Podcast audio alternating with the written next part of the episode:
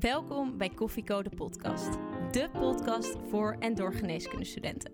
Waarbij wij, gewapend met een kop koffie, voor jou op pad gaan om interviews af te nemen met de leukste, interessantste en meest inspirerende artsen van Nederland. Dit is Koffieko. Hey Ko, ja wat doe je daar? Er staat een carrière voor je klaar. Maar je weet nog niet wat en waar. Een cappuccino maakt het minder zwaar. Dus zet je volumeknop omhoog. Want je luistert Koffieko en je weet het zo. Papa, papa, da. Welkom bij Koffieko de podcast, de special. Wij zijn Mare. en Eva en in de special gaan wij in gesprek met artsen over vakoverstijgende onderwerpen. Vandaag zijn wij de auto ingestapt en aangeschoven aan tafel bij professor Dr. Michel van Vught, internist infectioloog in het Amsterdam UMC en een groot voorstander van studeren en werken in het buitenland. Michel, welkom bij Koffieko. Dank jullie wel. Michel, je bent voornamelijk te vinden in het Amsterdam UMC. En dan weet ik toevallig dat als jullie de overdracht uitlopen, dat je rechtstreeks de koffiecorner eh daar tegenaan loopt. Drink je daar in de ochtend eh, je koffietje om de dag te starten? Ja, vroeger of voorheen eh, dronk ik eigenlijk al de koffie, zeg maar, toen ik, als ik dan wakker werd. Maar ik heb mijn koffie-intake heel erg verminderd. Dus dat is inderdaad mijn eerste koffiemomentje na de overdracht. Hop, richting de dubbele espresso. Heilige momentje, de dubbele espresso. Precies. Je bent veel in het buitenland geweest in carrière en ik kan me voorstellen dat niet in alle landen een koffiecorner zomaar om de hoek is. Eh, hoe kom je aan je kop koffie? eh, Nee, dus dan, wat neem ik mee? Mijn oplos espresso. En het boeit me echt helemaal niks. Iedereen zegt, oh, dat is vies. Nou, ik vind het helemaal niet vies. Ik vind het heerlijk. We weten dat jij houdt van fietsen. En dat jij eh, elke dag niet met de auto of met het openbaar vervoer, maar zelf met de fiets naar het AMC fietst. Hoe is dit zo gekomen? Nou, dat is echt een heel grappig verhaal eigenlijk. Tenminste, dat vind ik wel. Ehm, toen ik begon met mijn opleiding, eh, was mijn professor, professor Piet Kager, eh, de oude internist-infectioloog tropengeneeskunde. Ehm, die woont ook in Bussum en die ging elke dag op de fiets. En die was echt heel fit. Dus toen dacht ik, nou, wat hij kan, kan ik ook. Dus ik ging ook op de fiets. En na de eerste maand dacht ik echt, jezus, dit ga ik echt niet volhouden. Maar dat vond ik natuurlijk eh, niet kunnen. Ehm, en eigenlijk is het nu mijn moment van ontspanning. Zowel 's ochtends vroeg, eh, want ik zit er rond half zeven op de fiets. Ben ik er kwart over zeven in het AMC. En dan eh, en bij het terugfietsen. Ja, het is mijn beste momentje. Weet je, je ziet alle seizoenen. Het, het is natuurlijk ook prachtig door het natuur. eh, Van eh, Bussum naar Am- Amsterdam. En eh, ik heb direct mijn sport gedaan. En mijn hoofd is leeg. Ik heb geen files. Ik kwam blij thuis. Nou, wat wil je nog meer? En als het regent dan... Oh, boeit me niks. Dat is goed voor mijn krullen, zeg ik altijd. De wind, dat is toch wel een punt van aandacht. Maar ook daar ehm, ja, trek ik me tegenwoordig niks meer van aan. Ik ga gewoon. en het is gewoon een normale fiets, geen elektrische fiets. stiekem. Nee, ja, natuurlijk is het geen elektrische fiets. Ik heb mijn benen. en eh, ik heb inmiddels wel een hele mooie fiets, al zeg ik het zelf. Ja, dat is mijn trots. Dus eh, dat is zo'n eh, luxe gravelbike. Wel met een elektrische versnelling. Om deze vraag weer even een beetje te betrekken op het buitenland. Hoe kom jij in ontspanning, kom je daar aan in het buitenland? Nou, dan zoek ik bij de sportclubs zoek ik een, een fiets. En, en, en dan ga ik dus ook eh, daar fietsen. En dan het, ja, helaas is dat soms eh, inderdaad in zo'n, eh, hoe heet het, sportschool. Want het liefst zit ik natuurlijk gewoon buiten. Ja. En, of, en dan, of ik ga zwemmen. En ook lekker om de dag mee te starten en af te sluiten. Ook goed voor de mentale rust. Ja, ik denk dat het misschien wel de basis is van vitaliteit, hè? Dus dat, daar moet je tegenwoordig wel rekening mee houden. Ook voor de, voor, om, om je balans goed te houden. Ehm, voor mij is dat op deze manier de manier. Dus wij moeten eigenlijk allemaal op de fiets stappen. Nou, eh, ik weet niet, eh, ja, het is dat je niet in mijn mentorgroepje zit, maar eh, mijn mentorgroepje weet dat ik vind dat iedereen moet blijven sporten. Maar hoe druk je het ook hebt, eh, gewoon ter ontspanning.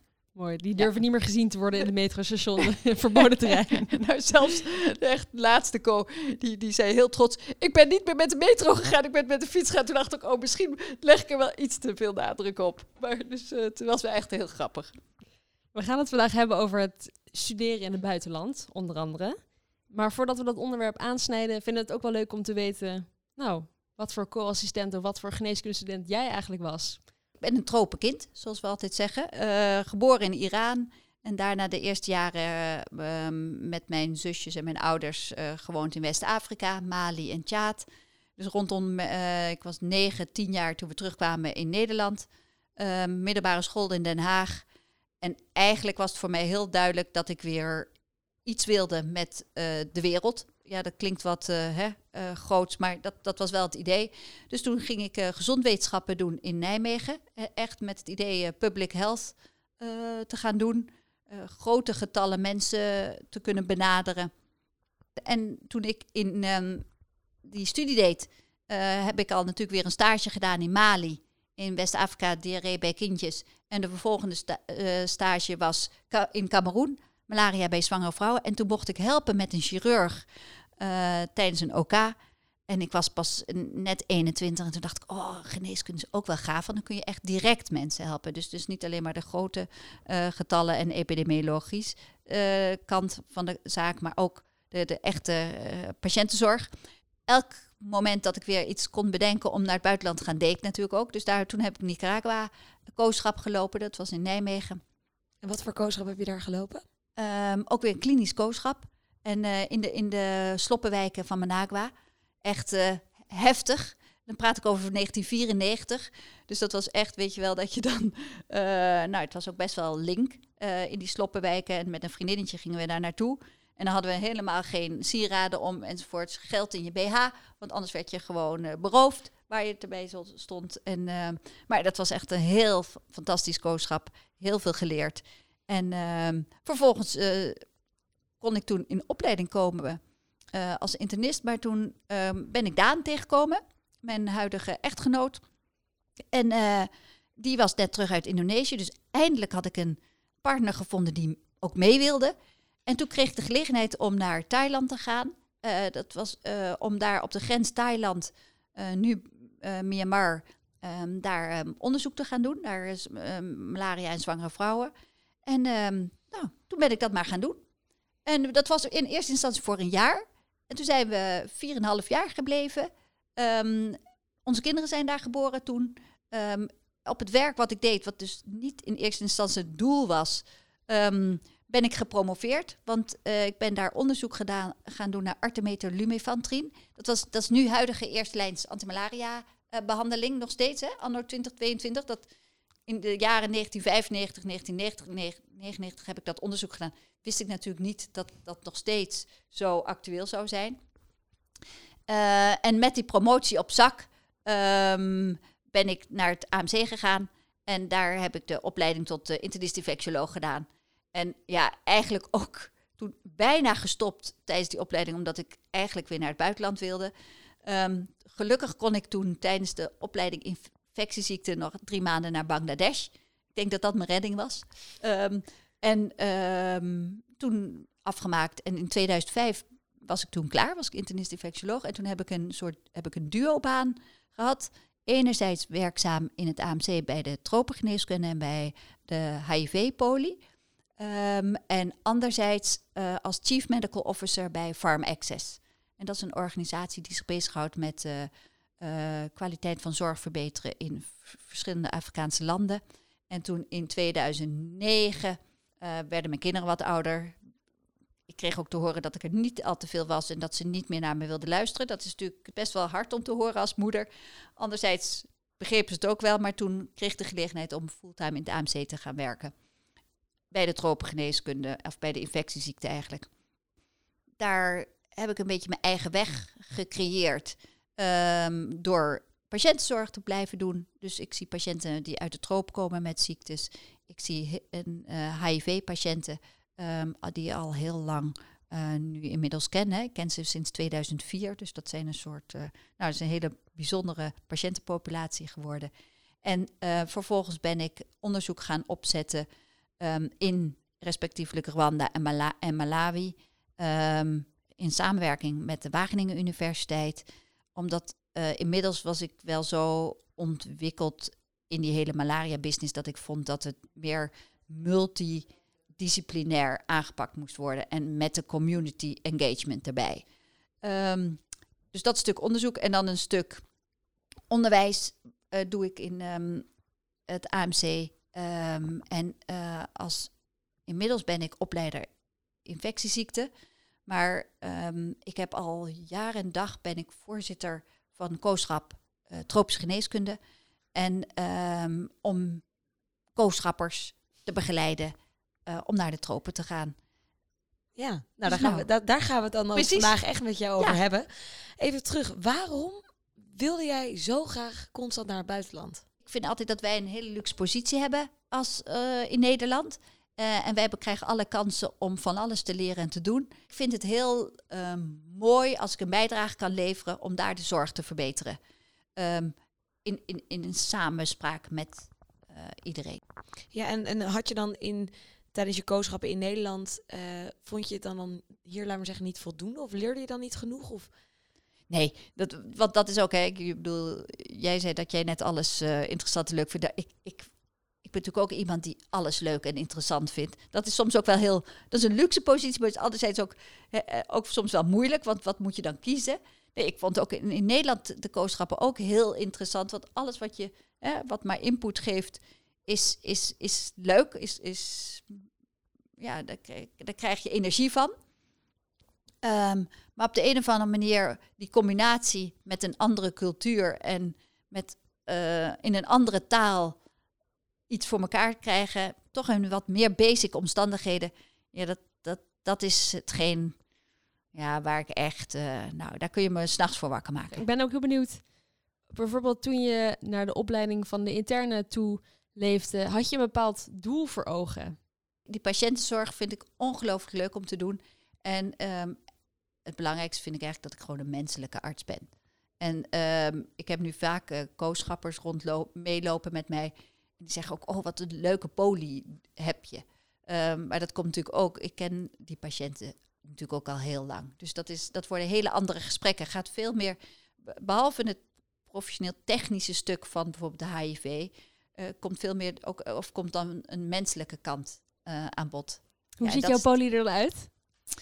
Um, ja, met uh, best wel veel patiënten, maar um, uh, ja, heel gevarieerd. Hè? Ja. En even terug naar, je hebt, je hebt gekozen voor de interne geneeskunde. Ja. Uh, heb je dat gekozen met het idee, daarmee kan ik naar veel naar het buitenland? Of zag je ook nog andere specialismen wel voor je waar je zou passen? Nee, ik denk, toen ik klaar was als basisarts, um, en ik was dus ook daarvoor al epidemioloog, dan zijn er verschillende mogelijkheden. Um, voor mij was verloskunde gynaecologie was nog een andere optie. Um, interne uh, huisarts vond ik altijd nog interessant. En psychiatrie, dat was een beetje een vreemde eend misschien in de bijt, uh, weet je. Maar nou ja. Um, Toch de menselijke kant? Ja, precies, precies, inderdaad. En, uh, maar toen ik eenmaal in die um, vluchtelingenkampen had gewerkt, toen kwam ik erachter dat ik wel kleine chirurgie heel leuk vind en, en ook kan. die, die bevallingen, weet je, draai ik mijn hand niet voor om, om zo maar te zeggen. Maar um, de interne sprak me het meeste aan, omdat het het meest uh, dichtst bij mij kwam om uit te zoeken wat er nou gaande was.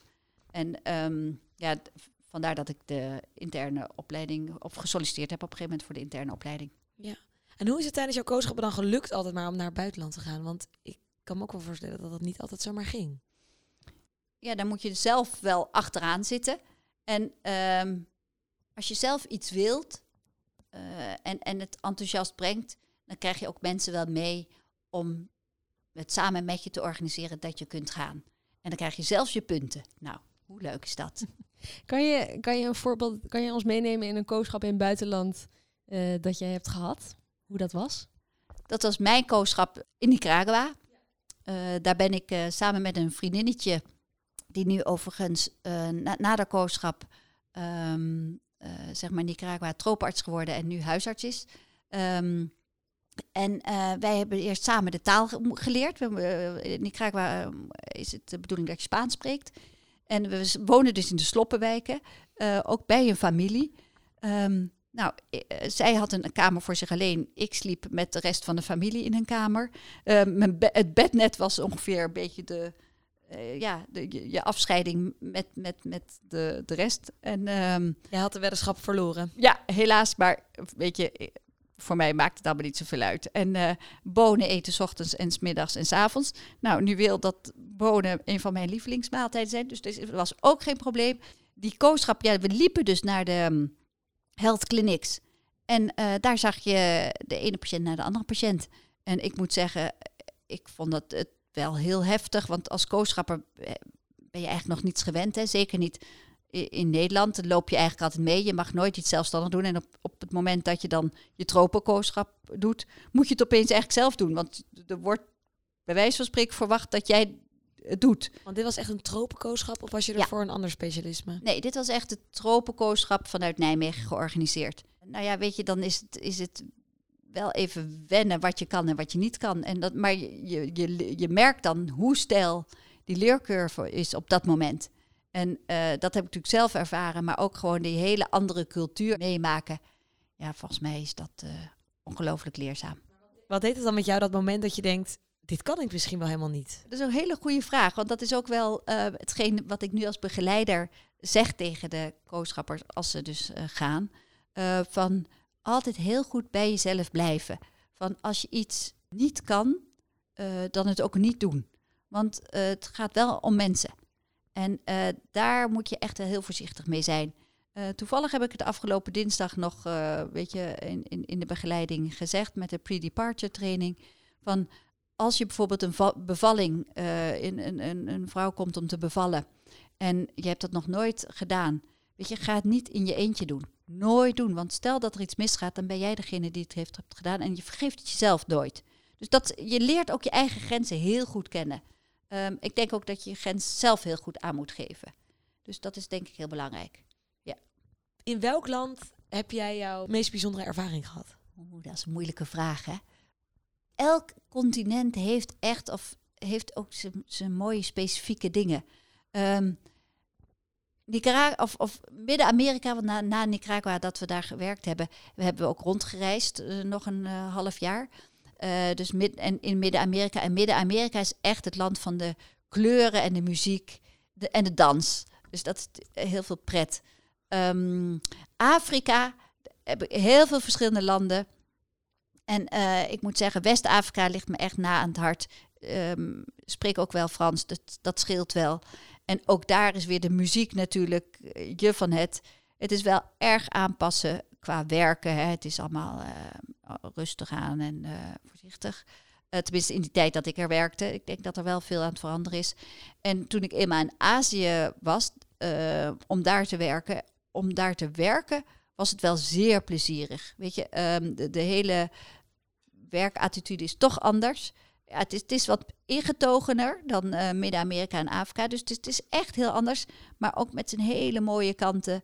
Ehm, ja, wat is nou de. Ik, ik ga geen keus maken. Hoeft ook helemaal niet.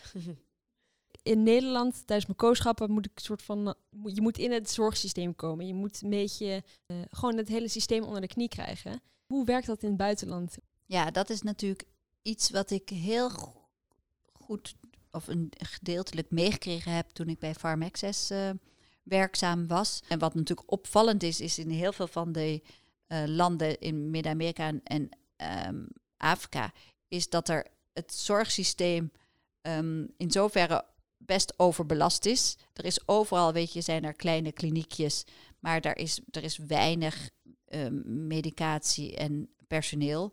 En dat, en dat maakt dat als er dan wel een ziekenhuis is waar, waar meer medicatie en personeel is, dat daar heel veel mensen naartoe gaan. Er is geen afspraaksysteem, dus iedereen komt in de ochtend.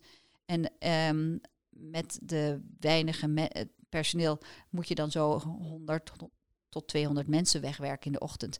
Ja, dat is natuurlijk gewoon eh, best hard werken. En er is wel heel veel aan het veranderen. Ehm, en dat vind ik eigenlijk het leukste om te doen. Om eh, mensen ehm, te laten bloeien. Eh, ik zeg altijd, nou een beetje water geven en dan gaat het eh, plantje bloeien. Ehm, jullie hadden al gehoord dat ik een moestuin heb. Hè? Ehm, nou, dat is eigenlijk een beetje vergelijkbaar mee. Nee, maar jonge mensen laten bloeien. En dat was natuurlijk in die projecten van Malawi eh, en, en Rwanda. om lokale PhD's van, van, van studentje tot volwassen, en terwijl ze al volwassen natuurlijk wel zijn, maar tot eh, uitgegroeide PhD'er te zien. En nu eh, hoofd van het National Malaria Control Programma eh, te hebben als directeur. Toevallig vandaag met ze gesproken. Ja, dat is waarom je het doet. Dus ik Ze hoop, zijn enorm gegroeid Ja. tot bomen. dus daar doe je het voor. Als, als we het nog even hebben over dit Ja. project. hoe, hoe zijn jullie dit opgestart? Hoe, hoe gaat het in zijn werk? Ehm, het project van Rwanda ehm, was ehm, samen met een groep de 100 Village. En ehm, dat was en, en, en Wageningen Universiteit de entomologen. Dus, dus dat zijn degenen die alles weten over muggen. Eh, professor Willem Takke en eh, Sander Koenraad. Dus de sociaal-maatschappelijke kant, antropologische kant. We hadden mensen die iets wisten van insecten. De economische kant, medische kant. En dan hadden we connecties met mensen lokaal. Dan begin je zo'n project en dan vraag je aan de communities: oké, wat willen jullie nu? Echt samen, dit was echt een community engagement pro- project, multidisciplinair. En wat, wat was het primaire doel? primaire doel was om eh, malaria te reduceren. Dus het aantal malaria-gevallen te reduceren in een bepaalde regio. En sta je dan echt als, als arts, als klinicus in zo'n project of ook als epidemioloog? Ja, ehm, als eh, oliemannetje zou ik zou bijna zeggen. Nee, Wat voor je, mannetje zijn als oliemannetje, dus die alles eigenlijk aan elkaar probeert te organiseren, regelen. En, eh, maar ook een van de taken is de medische PhD te begeleiden.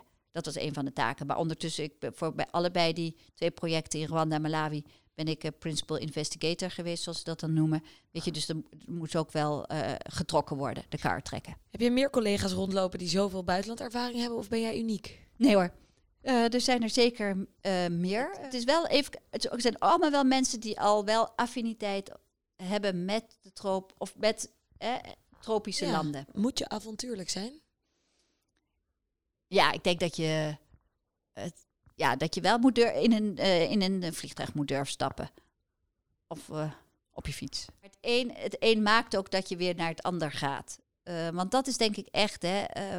wat, wat, waarom vind ik het zo belangrijk dat, of waarom eh, ben ik groot voorstander ervan dat kooschappers of dat eh, studenten, zeg maar, naar de, dit soort landen gaan? Voor hun professionele ontwikkeling. Dat is natuurlijk hè, één doel van, van, van ons als opleiders. Maar ook voor je persoonlijke ontwikkeling. Want naast, kijk, naast dat je in een andere context eh, heel veel leert van, van wat daar in die ziekenhuizen gebeurt. Dat je ook dus mensen soms niet kan behandelen omdat er geen geld is of omdat er geen infuus is. Weet je, nou ja, eigenlijk wat wij een beetje met de COVID een heel klein beetje gevoeld hebben toen er misschien geen pakken waren, weet je. Maar daar is dat dagelijks eh, gebeuren, dat er niet alles voorhanden is. Ehm, maar je leert ook omgaan met andere culturen, hoe mensen anders reageren. Eh, je moet een taal leren kennen. Ehm, je leert heel veel in je, je klinische skills, maar ook je sociale skills. Volgens mij is er gewoon helemaal geen reden om het niet te doen. Je groeit echt als mens door Ja. buitenlandervaring Ja, dat denk doen. ik. En het leuke is dat als je tijdens je kooschappen doet, is natuurlijk het leuke dat je voor het eerst echt ook aan het eind van dat kooschap dan voelt dat je ehm, arts mag zijn of kunt zijn. En dat geeft mensen heel veel vertrouwen. Ze komen ook allemaal heel, met heel veel vertrouwen terug. En zijn er ook eh, studenten die nooit meer eh, Nederland in zijn gekomen omdat ze zo verliefd zijn geworden op een ander land? Nou, er zijn best wel wat eh, eh, co-assistenten die daarna terugkomen. Dan moeten ze natuurlijk nog eh, hun, hun studie afmaken. Maar die daarna eh tropengeneeskunde gaan doen. En dan voor een paar jaar ergens werkzaam zijn. Zeker. Ik kan me ook voorstellen dat het heel, heel verslavend werkt. Dat het zo'n. Je, je merkt dat je zo groeit als persoon. ehm, dat je dat één land dan niet genoeg is. En dat je dan dus ja, eigenlijk constant door wil blijven gaan. Ja, ja ik, dat, dat is natuurlijk de ene kant. De andere kant is natuurlijk als je eenmaal werkzaam daar bent, dat je ook wel ehm, de wat negatievere kanten meemaakt en eh, de frustraties tegenkomt van een systeem wat niet werkt. We veel te veel bureaucratie, ehm, tekorten aan eh, bepaalde medicatie of eh, apparatuur. Dus weet je, er, er- er zijn twee kanten aan het verhaal. Maar als je dan ehm, ja, positief ingesteld bent en eh, eh, en, en, en, en een houding hebt van hoe ga ik het oplossen, ja, dan volgens mij eh, kom je dan wel goed terecht daar. En je zei dat eigenlijk iedereen moet dit doen, moet die ervaring in opdoen. Maar ik kan me toch ook voorstellen dat het niet voor iedereen weggelegd Nee. is. Hoe weet je of, of het iets voor jou is? Nou, ik zeg altijd, weet je, ehm eh, degene die zich aanmelden voor zo'n kooschap, dat is natuurlijk al een selectiebias. Dus dat is altijd, eh, dat, dat, daar begint het mee. En ehm, er zijn nu vanuit eh, het Amsterdam UMC best wel heel veel mogelijkheden, ook al in het eerste jaar. Hè, dan kun je Suriname stage gaan doen. Ehm, in het tweede jaar kun je inloten voor public health ehm, stage. Weet je, dus zo als je echt interesse hebt in, in, in, die kant, kun je, kun je zoeken naar, naar meer mogelijkheden. En als je dat niet wil, ook goed, hè? En ook dan word je goede dokter. Ehm, maar, dit is, ja, die andere cultuur, het jezelf tegenkomen, ehm, andere culturen leren kennen. ehm, ja, dat is natuurlijk, geeft een stukje meerwaarde. Maar hoe pak je het aan? Kijk, de luisteraars die eh, nu misschien naar dit interview luisteren, die willen dolgraag naar het buitenland. Corona heeft natuurlijk best wel veel roet in het eten gegooid een lange tijd. Nu lijken de grenzen weer open. Maar waar, waar begin ik als ik zo'n kooschap wil regelen? Als je kooschap wil regelen ehm, in het Amsterdam UMC, de locatie AMC, dan begin je bij het International Office. Dan ga je daar eh, eens vragen, god, wat zijn de mogelijkheden? Hoe, hoe werkt dat? En dan moet je ruim op tijd doen. Ehm, dus Dat is ruim. zes maanden van tevoren. Eh, want er is een lotingssysteem. Ehm, hoewel eh, voorheen wa- waren er niet zoveel ehm, ziekenhuizen wa- waar plekken waren. En we hebben dat helemaal uitgebreid. Dus ik, eh, we, we hopen dat we momenteel genoeg plaatsen hebben om eh kooschappen te kunnen ja, plaatsen. Wat zijn, eh, wat zijn de plekken die jullie nu in jullie portefeuille in hebben? de portefeuille hebben. De officiële plekken zijn in Tanzania, Zambia, Malawi en Ghana. En in al die landen zijn er twee ziekenhuizen. En wat we proberen is een soort eh, dakpanconstructie. Dus dat je eh, als kooschappers elkaar afwisselt. Eh, je kunt ook met z'n tweeën gaan. want dat is vaak, maakt het reizen net iets, iets fijner. En dan ga je er op pad. En heb je nog meer, laat maar zeggen, plekken die, die je zou willen toevoegen aan dit hele scala? Zou je nog andere plekken op de wereld co-assistenten willen begeleiden? Eh, ja, je, kunt natuurlijk de hele wereld erbij betrekken. Maar dat, is, dat moet natuurlijk ook haalbaar zijn. Eh, want kijk, vanuit het ehm, Amsterdam UMC is natuurlijk buiten het feit dat je eh, mensen wil stimuleren om zichzelf te ontwikkelen, professioneel en, en persoonlijk. En dat moeten ze natuurlijk op een gegeven moment zelf ook uit gaan zoeken. En daardoor bied je dit soort mogelijkheden aan die internationalisering hè, is echt wel een, een, een heel aandachtspunt eh, op dit moment. Dus dat maakt het ook onwijs leuk. Ehm, is dat je ook wel hun veiligheid moet kunnen garanderen en de begeleiding moet garanderen. Dus ehm, dat, dat, dat speelt allemaal een rol als je vanuit een onderwijsinstelling eh, mensen uitzendt. En als we dan nu een, een van de plekken nemen die je net noemde, dus bijvoorbeeld Tanzania. Als ik mijn kooschap daar ga lopen, hoe ziet dat er dan uit? Nou, dan, ehm, eh, dan word je dus ingelood. Ehm, en, eh, en dan ga je naar Senkerema. Ehm, daar, is, dat is het dorp, stadje wa- waar je dan eh, terechtkomt. En daar, is een, eh, daar zijn artsen. toevallig is er nu een Nederlandse tropenarts die daar werkzaam is.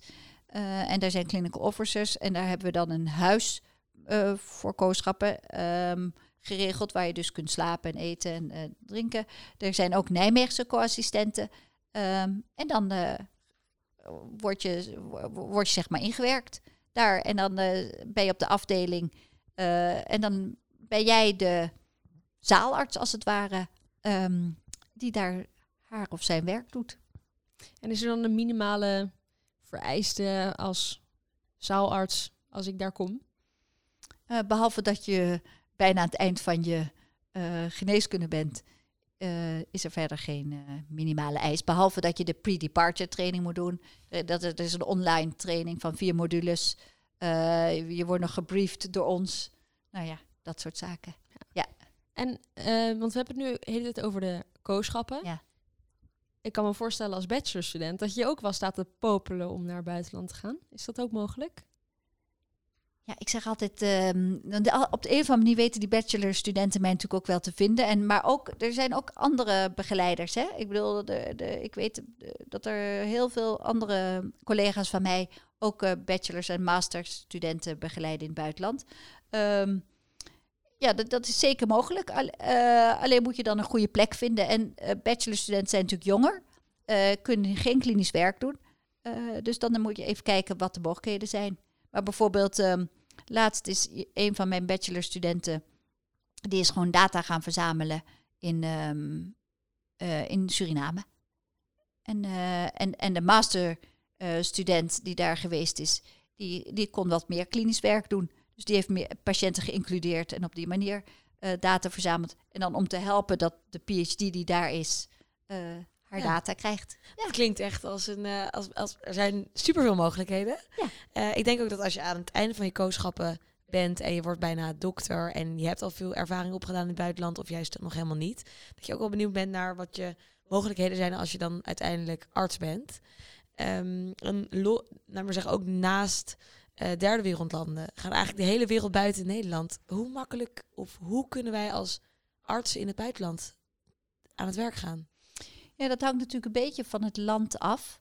Ehm, ehm, want voor elk land zijn er weer verschillende criteria. Kijk, als je op een gegeven moment je BIG-registratie hebt, want daar gaat het, dat, dat is dan ben je basisarts. Ehm, ja, dan kun je kijken waar er mogelijkheden zijn, waar de vacatures zijn. Maar bijvoorbeeld als je naar Amerika gaat, dan moet je nog een heel examen afleggen. Als je naar Australië zou willen, dan is er ook weer een heel examen af te leggen voordat je daar geregistreerd kunt worden. Dus in elk land zijn er Gewoon. verschillende registratievereisten. Ehm, en dan kun je we- werkzaam zijn. En behoud je dan je Nederlandse BIG-registratie? Ja, zolang je, je kunt je BIG-registratie houden als je ehm, voldoet aan de eisen. En de eisen zijn dat je eh, klinisch werk doet naast bijvoorbeeld onderzoekswerk. En dat klinische werk moet be- minimaal bestaan, 50% uit je werkzaamheden bestaan. Een ander aspect van studeren of werken in het buitenland is de taalbarrière. We hadden het er net al kort over. Je had Spaans geleerd eh, voor even je eerste kooschappen. Ehm, maar ik, we merkten dat ook onder onze luisteraars, want we hebben een vraag uitgezet op, de, op Ja. onze social media, dat de taalbarrière best wel een, een onderwerp is waar we het over even moeten, over moeten hebben. Ja. Ehm, want hoe heb jij dat in al je ervaring in het buitenland ervaren? Heb je, heb je lastige momenten meegemaakt? Ja, kijk, het, het leukst is natuurlijk dat je als je ergens naartoe gaat en je spreekt de taal. Het is, het is voor jezelf fijn, eh, want je weet wat er om je heen gebeurt. En ehm, je kunt heel direct ehm, met je, je collega's en met je patiënten eh, communiceren. Maar ja, het is natuurlijk echt niet haalbaar. Want de meeste mensen spreken Nederlands en Engels. Nou, Frans is alweer een uitzondering. Eh, helpt wel als je in Franstalig Afrika bent. Dat, dat is erg leuk. Nou, dat Spaans helpt dan ook.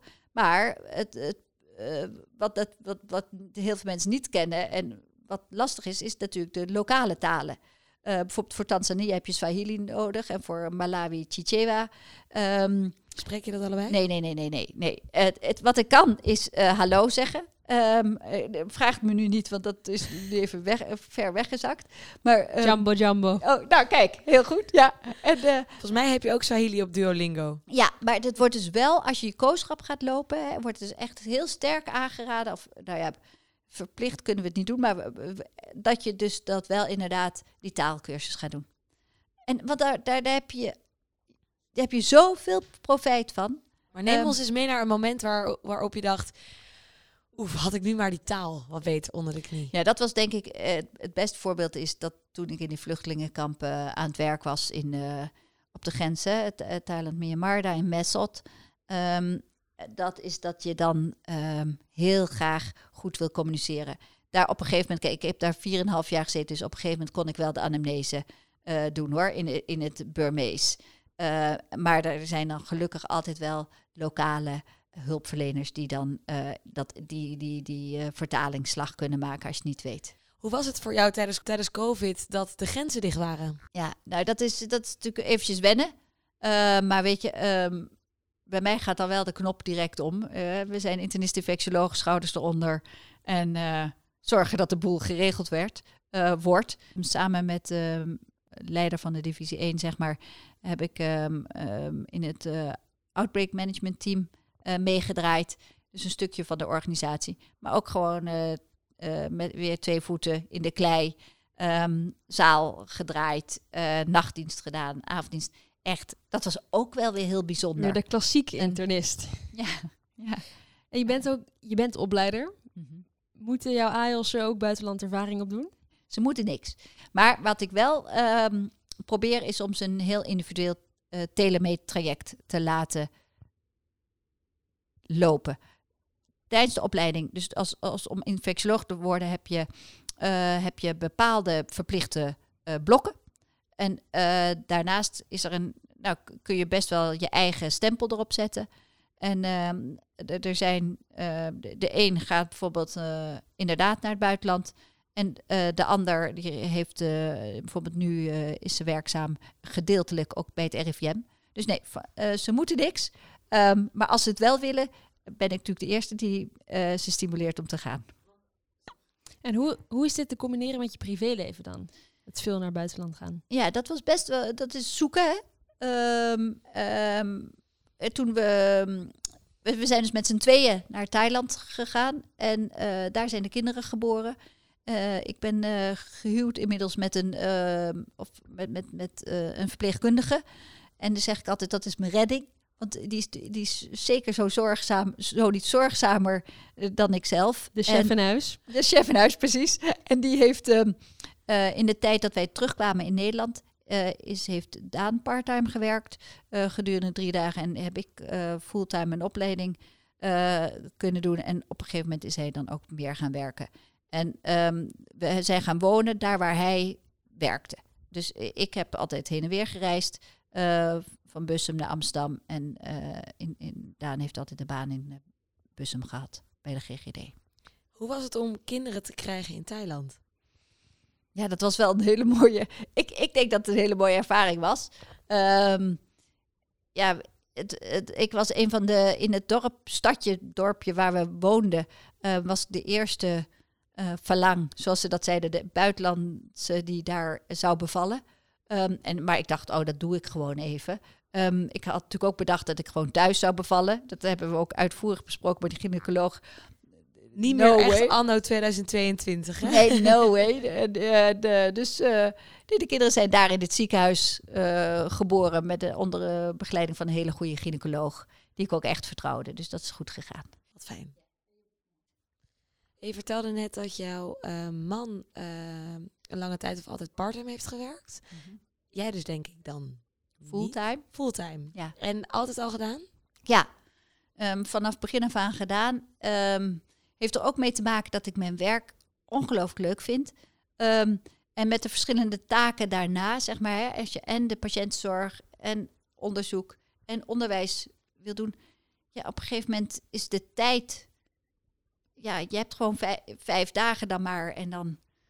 Ja, Het is eigenlijk te weinig. ja, het is echt te weinig. Ja. Ja. En dan ging je dan in het weekend wel eens door? Ja, soms wel. Er is een tijd geweest dat ik te veel werkte, ehm, maar dan werd ik gewoon teruggefloten. Dus Ja, ja, hoe heb je het ervaren om als, als vrouw ehm, altijd fulltime te hebben gewerkt?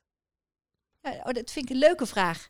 Enerzijds, eh, weet je, was het bij ons eigenlijk ja, geen issue. We hebben gewoon samen gekeken wat is het beste in combinatie met de zorg voor de kinderen. Ehm, en eh, omdat ik mijn werk ook zo eh, boeiend vind en interessant, eh, was het eigenlijk ook logisch dat, dat ik zeg maar zo eh, fulltime bleef werken. En, en daarnaast was het zo dat mijn man ehm, het prima vond om parttime te werken. Weet je, dat, dat was bij ons zo de balans. Het aparte van het geheel is wel dat je daar als vrouw wel op aangesproken wordt. Oh, werk jij fulltime? Hoe doe je dat dan met kinderen? En volgens mij heb ik nog nooit ehm, eh, die vraag gehoord bij eh, de mannelijke collega's. Ik heb het wel eens gevraagd of dat aan ze gevraagd werd. Nou, dat, heb, dat zeiden ze van niet. Ehm, dus in onze maatschappij is het nog steeds niet heel gewoon eh, of heel regulier dat dat gebeurt. Ehm, en daar moet je gewoon achter staan, want het zijn keuzes. Het zijn keuzes die je maakt. Hoe reageer je dan op zo'n vraag? Zeg ik nou, eh, ja, ik, dat is de keuze die ik gemaakt heb in samenspraak met mijn man. En eh, bij ons is dat een prima, eh, is, loopt het prima. En het is prima evenwicht geweest. En natuurlijk denk ik wel, heb, dacht ik wel eens van, oh moet ik er niet meer zijn voor, de, voor mijn kinderen? En heb ik me wel eens schuldig gevoeld als ik er niet was. Maar op een gegeven moment dacht ik ook wel van, ja weet je, dit is de keuze die ik maak. Ik zorg dat ik er bij bepaalde evenementen ben. Ehm, en dan ben ik ook echt. Ehm, verder relatief blije moeder. Eh, als ik thuis was, ik zorgde, weet je, eh, ik kon redelijk goed organiseren. Ja, vet accompli hè, soms. En ehm, ik denk dat het ook wel een goed voorbeeld kan zijn eh, als moeders ook fulltime werken. En merk je dat jouw jonge vrouwelijke collega's ook met hetzelfde probleem zitten? Als wat Ja, want daar- dat is wel heel grappig. Want eh, we, we hebben vaak eh, hele discussies hierover, of tenminste eh, dan een, een, een ander soort gesprek, hoe je het dan organiseert. Volgens mij valt of staat alles hè, in die balans tussen zorg voor thuis en, zor- en, en je werk, in hoe je het organiseert, samen. Ehm, dan wel met oppas van buiten, dan wel met oppas van familie. Maar je organisatie, eh, dat moet goed zijn. En dan kan volgens mij kunnen alle partijen eh, vliegen. En volgens mij is dat waar we waar we het voor doen. Michel, wat is jouw grootste droom? Medisch inhoudelijk hoop ik dat ik nog mee mag maken. Toevallig heb ik het vandaag gezegd nog tegen een patiënt. ehm, dat, er een, eh, dat, dat er een vaccin komt om HIV te behandelen. En eh, dat er een, het, malaria-vaccin, wat er nu is, of, of een ander malaria-vaccin, dat dat effectief zal zijn. Ik hoop dat ik dat nog mee mag maken in mijn professionele carrière of in de tijd dat ik leef. Ehm, en ehm, mijn persoonlijke droom is ehm, dat ik eh, voor de toekomstige jaren echt nog mee mag bouwen ehm, aan tropische geneeskunde. En eh, of dat dan in het eh, buitenland zal zijn of hier vanuit Nederland, ja, dat zal de tijd leren. Mooi, echt een, een dokter die zich volledig inzet voor haar vak. Dus mooi, eh, mooi om te zien. En als we, want je zei het buitenland staat te popelen. Wat is dan de eerste volgende plek waar je binnenkort naartoe gaat? Mag ook voor vakantie zijn. Nou, op 10 september hebben we vakantie en dan gaan we gewoon op de fiets, zoals jullie zullen begrijpen. Nee, we gaan fietsen in de Dolomieten, denk ik dat dat het gaat worden. Maar dat is, heeft niks te maken met die tropische geneeskunde. Nee, maar dat, Dus, dat ehm, is toch ook heerlijk? Ook over de grens, maar Ja. eh, een andere vorm van ontspanning, denk Ja. ik. Maar wat ik vergeten ben te vertellen, is dat ik ehm, het laatste maand heel erg bezig ben geweest om te organiseren dat senior artsen, ehm, infectiologen naar eh, Suriname kunnen om daar een bijdrage te leveren aan ehm, de zorg daar. Eh, omdat daar nu nog maar één in- internist-infectioloog eh, col- infectioloog collega eh, is en er, het veel te druk heeft. En, en dan kunnen dus de senioren artsen, infectiologen daar naartoe. Dat voorkomt hun een burn-out, maar of geeft hun weer vitaliteit. Ik, ik draai hem even om. geeft hun vitaliteit. En ondertussen hebben we daardoor een baan gecreëerd voor een jonge klare. Al hier gedurende het komende jaar. Wauw. Dus dat was ik nog even vergeten, want in Suriname hebben we heel veel banden. En Dus ik- misschien ga ik ook nog wel naar Suriname eh, eerdaags. kunnen de co-assistenten en de jonge dokters die luisteren zich daar ook voor aan? Zeker. Of, eh, Ja, ja, maar ik heb al wel een heel eh, schema eh, opgeleid, maar die kunnen zeker zich opgeven. Eh, ik, ik hoop niet nu dat ik aanbel, 100 aanmeldingen krijg, want dan gaan we. Maar je hebt verschillende projecten in verschillende landen. Dus eh, kom maar eens praten. En, misschien, en er zijn ook heel veel collega's die ook eh, veel mensen willen begeleiden. Dus kan altijd allemaal. Leuk. En, en nog even een korte vraag, want je noemde net als als je co-assistent een stage in het buitenland wil doen, dan is er een loting. Kijken jullie ook nog naar motivatie of zijn er bepaalde dingen die goed zijn om mee te nemen om meer kansen te krijgen of is het pure Het loting? is echt pure loting voor de eh, ziekenhuizen ehm, met wie het AMC dan een contract heeft. Ehm, en als je uitgeloot wordt, dan zijn er ook nog andere mogelijkheden. eh, en ziekenhuizen die dan eh co-assistent kunnen begeleiden. We hebben nu eh, heel veel over het studeren in het buitenland. En eh, de mogelijkheden lijken eigenlijk oneindig. Maar ik kan me ook wel voorstellen dat daar een potje geld voor nodig is. En niet iedere student of, of, of dokter heeft dat misschien voorhanden. Ehm is daar dan een mogelijkheid voor als... Ja, dus dat is, dat is het punt van aandacht op dit moment, die we met de stuurgroep internationalisering ook eh, zeg maar eh, proberen ja, aan te pakken. Eh, want het is natuurlijk leuk hè, dat we al deze mogelijkheden creëren voor studenten. Eh, maar inderdaad, wat je zegt, het kost wel extra geld. Eh, alleen al je ticket kost veel geld. Ehm, het daar zijn is goedkoper. Dus wat we eh, probeer, ehm, wat er vanuit de universiteit is, is dat er een, een kleine bijdrage is. En, ehm, maar ik vind wel dat we moeten proberen met elkaar iedereen die mogelijkheid te geven. Dus niet alleen maar de studenten die het geld hebben. Dan is het tijd om naar het einde te naderen van het interview. Maar dat doen we niet voordat we nog een laatste tip vragen van jou. Michel, wat zou jij de jonge dokters willen meegeven? Nou, zoals jul- jullie al gehoord hebben, heb ik heel veel tips.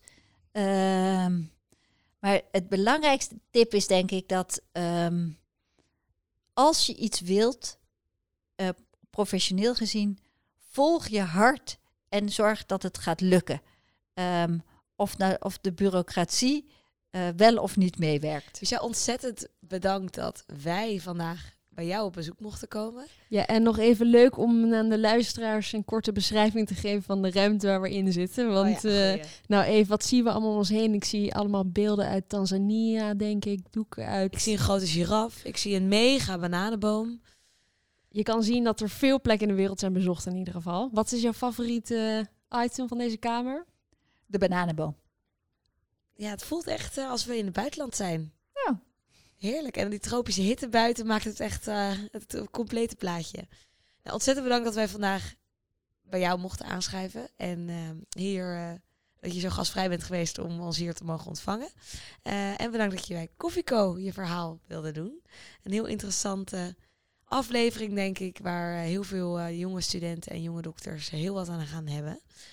Ehm, En ze mogen natuurlijk altijd contact met me opnemen, hè? maar ehm, via de e-mail of eh, vind een weg mij te vinden. Goed om te weten. Luisteraars, jullie ook bedankt voor het luisteren. En dan eh, zien we jullie volgende keer weer bij Koffie.